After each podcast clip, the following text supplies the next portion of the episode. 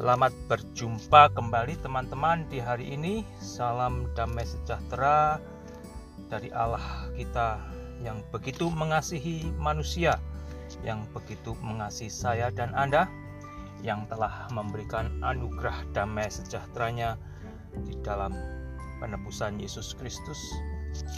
Penebusan yang begitu mahal, penebusan yang tidak bisa dibayar oleh manusia tetapi yang disalah mengerti yang disalah mengertikan banyak manusia dan bahkan orang yang telah menerima penebusan Yesus Kristus banyak yang tidak menghargai jikalau hidupnya telah dibayar oleh harga yang tak terbayarkan oleh manusia. Nikmatilah saudara kekristenan Anda, nikmatilah jikalau Anda dikasihi Allah, nikmatilah jikalau hari ini ada itu hanya karena Tuhan semata yang masih memberikan kita hidup. Jadi, biarlah fokus saya, fokus Anda sebagai orang percaya, sebagai orang yang sudah diselamatkan Allah di dalam ketaatan kita kepada Allah untuk percaya kepada Yesus Kristus, fokus kita kepada Yesus Kristus ya sehingga ketika kita bangun pagi ya, kita akan memulai aktivitas kita kita tidak tergoda oleh kiri kanan depan belakang hal yang membuat kita kehilangan arah tetapi kita boleh memulai dengan arah yang satu yaitu kepada Tuhan dan dari Tuhan untuk kemuliaan Tuhan melalui apa yang kita lakukan kerjakan ya buat keluarga yang punya keluarga ya buat saudara dan sebagainya. Saya mau membagi dari Matius pasal ke-6, saudara. Saya mau membaca Matius pasal ke-6 yang sudah tidak asing lagi mestinya bagi orang Kristen, yaitu mulai dengan ayat 25.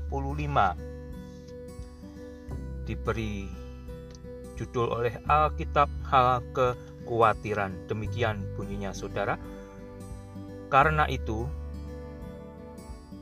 perkataan Tuhan Yesus, Aku berkata kepadamu, Janganlah khawatir akan hidupmu, akan apa yang hendak kamu makan atau minum, dan janganlah khawatir pula akan tubuhmu, akan apa yang hendak kamu pakai. Bukankah hidup itu lebih penting daripada makanan, dan tubuh itu lebih penting daripada pakaian? Dengan membaca ini, saudara, kita diarahkan kepada hal yang dasar terlebih dahulu dari Tuhan ya. Bukankah ya pertanyaan Tuhan yang mengarahkan kepada kita ya, Bukankah hidup itu lebih penting daripada makanan dan tubuh itu lebih penting daripada pakaian? Ada makanan nggak ada tubuh, ya makanan itu tidak berguna. Ya. Ada pakaian, tidak ada tubuh, ya pakaian itu tidak berguna. Ya mereka yang punya pakaian, mereka bahkan yang menyimpan pakaian sangat mahal, kalau tubuh mereka sudah mati, ya pakaian itu tidak berguna, hanya tersimpan di kloset mereka atau menjadi donasi ya. Jadi kembali saudara perhatikan perkataan Tuhan agar saya juga memperhatikan perkataan Tuhan Yesus. Bukankah hidup itu lebih penting daripada makanan dan tubuh itu lebih penting dari pakaian. Jadi tubuh saya dan tubuh Anda itu melebihi apa yang menjadi kekhawatiran kita tentang makanan dan pakaian. Ya. Kalau kita memiliki tubuh yang Tuhan berikan dan kita menyadari, ya, jikalau tubuh yang ada pada saya dan pada Anda itu adalah pemberian Tuhan, di situlah kita diajar untuk memulai terlebih dahulu sebelum kita khawatir akan yang lain-lain. Ayat 26, pandanglah burung-burung di langit, yang tidak menabur dan tidak menuai dan tidak mengumpulkan bekal dalam lumbung, namun diberi makan oleh Bapamu yang di sorga. Bukankah kamu jauh melebihi burung-burung itu? Ya, bukankah saya dan Anda manusia jauh melebihi burung-burung itu? Manusia diciptakan dalam gambar dan rupa Allah. Manusia diciptakan untuk berkomunikasi dengan Allah. Manusia diciptakan untuk membawa kemuliaan bagi Allah penciptanya. Tidakkah saya dan Anda yang diciptakan demikian jauh melebihi daripada burung-burung itu? Ya. Justru Allah karena kasihnya kepada ciptaannya ya, yang telah tidak taat kepada penciptanya, yang membunuh dirinya dengan berbuat ketidaktaatan yang kita kenal dengan surga. Allah tetap mengasihi kita dan memberikan seorang penolong yang menjadi tebusan bayaran atau ransom bagi dosa kita yang sudah dipenuhi di dalam Yesus Kristus, saudara, kurang apa lagi? Ya, kasih Allah sudah dibuktikan kepada manusia. Mengapa kita masih khawatir? Mengapa kita masih tidak percaya? Mengapa kita masih kurang percaya, saudara? Itu adalah pergumulan manusia. Tetapi kalau Anda sudah hidup di dalam Tuhan, percaya kepada Tuhan, ya umur Anda tidak setahun lagi di dalam Tuhan, dua tahun, tiga tahun, sudah sepuluh tahun, biarlah kita juga menunjukkan ketaatan yang membuat kita kematangan. Jangan seperti mereka yang baru belajar percaya, saudara. Justru kita akan menjadi berkat bagi mereka yang baru memulai kehidupan percaya mereka di dalam Tuhan Yesus Kristus. Pandanglah burung-burung di langit yang tidak menabur dan yang tidak menuai, tidak mengumpulkan bekal dalam lumbung, namun diberi makan oleh Bapamu yang di sorga. Bukankah kamu jauh melebihi burung-burung itu. Ya. Kita jauh melebihi burung-burung saudara ya. Kita diberikan kesempatan, kemampuan untuk melakukannya apa yang lebih daripada burung-burung. Jadi kita pun tidak akan membaca ini kemudian memakai alasan untuk bermalas-malasan, tidak mau bekerja, tidak mau berusaha. Itu juga adalah kesalahan Anda dan saya yang demikian. Ya, kita mengharapkan orang lain memberi makan, itu akan membuat otak Anda, hidup Anda tidak sehat karena kita dipanggil, kita diperbaharui untuk menjadi berkat membawa kemuliaan bagi nama Tuhan dengan satu kehidupan yang berbuahkan kebaikan. Ayat 27, siapa di antara kamu yang karena kekhawatirannya dapat menambahkan sehasta saja pada hidupnya. Nah, kekhawatiran siapa yang tidak khawatir saudara ya. Tapi kita diingatkan kalau kita khawatir sebetulnya kita yang rugi. Ya. Kalau kita khawatir, kita sebetulnya tidak bergerak ke depan, tapi justru mungkin bergerak ke belakang. Ayat 28, dan mengapa kamu khawatir akan pakaian? Mengapa saudara? Mengapa Anda khawatir akan pakaian? Perhatikanlah bunga bakung di ladang yang tumbuh tanpa bekerja dan tanpa meminta. Namun aku berkata kepadamu, perhatikan saudara Salomo. Anda mengenal Salomo? Salomo adalah tokoh yang hidup menjadi bagian daripada sejarah ya. Salomo dalam segala kemegahannya pun tidak berpakaian seindah salah satu dari bunga itu. Salomo yang kaya, yang mempunyai kedudukan, ya.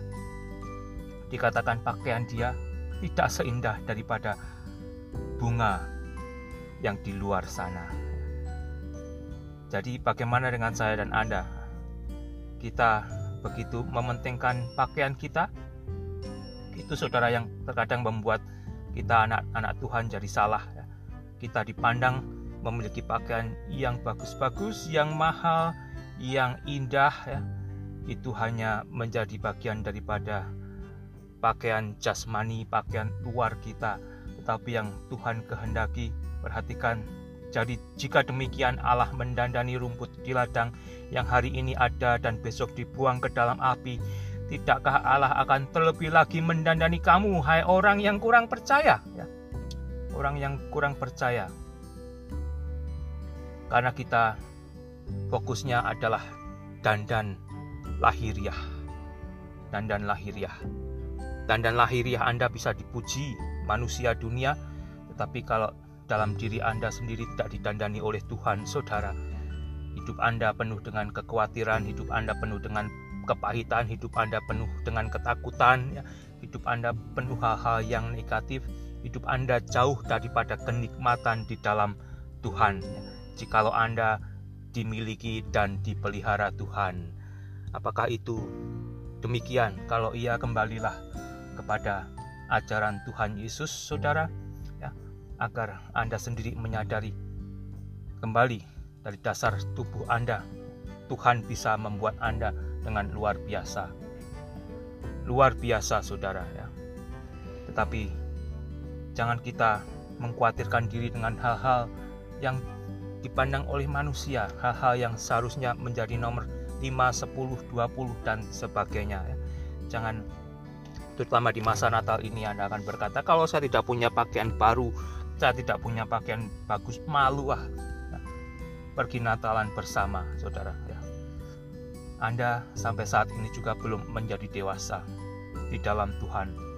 Kalau jiwa Anda diri Anda, rohani Anda sudah didandani oleh oleh Allah dan Anda mau didandani oleh Allah dari hari ke hari, dari minggu ke minggu, bulan, tahun, saudara. Anda sudah lima tahun didandani oleh Allah, Anda sudah sepuluh tahun didandani oleh Allah. Ya, keyakinan Anda untuk tampil di tempat umum bukan pakaian Anda, ya. bukan apa yang Anda bisa miliki di dunia ini, tetapi karena kasih Tuhan yang sudah Anda terima. Anda dikasih Tuhan dan Tuhan sedang bekerja merubah Anda, memakai Anda, memperbaharui Anda untuk menjadi kemuliaannya di situ saudara. Dandanan yang akan membuat raut muka Anda, wajah Anda tidak bisa ditipu oleh manusia jikalau Anda benar-benar meyakini Anda dikasih oleh Allah dan Anda mempunyai dasar itu untuk mau bertemu dengan manusia lain karena apa? Mau membagikan kasih Allah. Jadi jika demikian Allah mendandani rumput di ladang yang hari ini ada dan besok dibuang ke dalam api, tidakkah ia akan terlebih dahulu? Tidak tidak kan, kan Allah akan terlebih lagi mendandani kamu hai orang yang kurang percaya? Sebab itu janganlah kamu khawatir dan berkata apakah yang akan kami makan? Apakah yang akan kami minum? Apakah yang akan kami pakai? Namun semua itu dicari bangsa-bangsa yang tidak mengenal Allah ya. jangan Jangan Anda yang mengaku Kristen percaya kepada Allah, hidupnya seperti mereka yang tidak mengenal Allah ya. Akan tetapi Bapamu yang di surga tahu bahwa kamu memerlukan semuanya itu. Perhatikan ayat 33 ayat yang sangat terkenal di Alkitab. Tetapi carilah dahulu kerajaan Allah dan kebenarannya, maka semuanya itu akan ditambahkan kepadamu. Jikalau Tuhan sudah memberkati, jangan tinggalkan ayat ini, jangan tinggalkan instruksi ini, karena Anda akan terjerumus dan tenggelam, Anda akan kembali kepada kekhawatiran, kekurangan, dan sebagainya. Saudara, tetapi carilah dahulu kerajaan Allah dan kebenarannya, maka semuanya itu akan ditambahkan kepadamu, dan hidup Anda akan tambah diluruskan oleh Tuhan. Sebab itu, janganlah kamu khawatir akan hari besok, karena hari besok mempunyai kesusahannya sendiri. Kesusahan sehari cukuplah untuk sehari, bukan berarti Anda tidak berplanning bukan berarti Anda tidak berencana, tetapi saudara, biarlah Anda mengucap syukur jikalau Anda diberikan hari ini, saudara. Hiduplah seperti hari ini, hari terakhir dari Tuhan, sehingga hari ini Anda akan pakai untuk sepenuhnya, sebaik mungkin, ya, sekuat tenaga hidup untuk memuliakan Tuhan. Dan demikian juga besok dan hari-hari berikutnya, maka Anda akan merasakan bagaimana Tuhan bekerja dan membentuk kita karena pada dasarnya kita tidak tahu kalau hari ini adalah benar-benar hari terakhir saya dan Anda, saudara.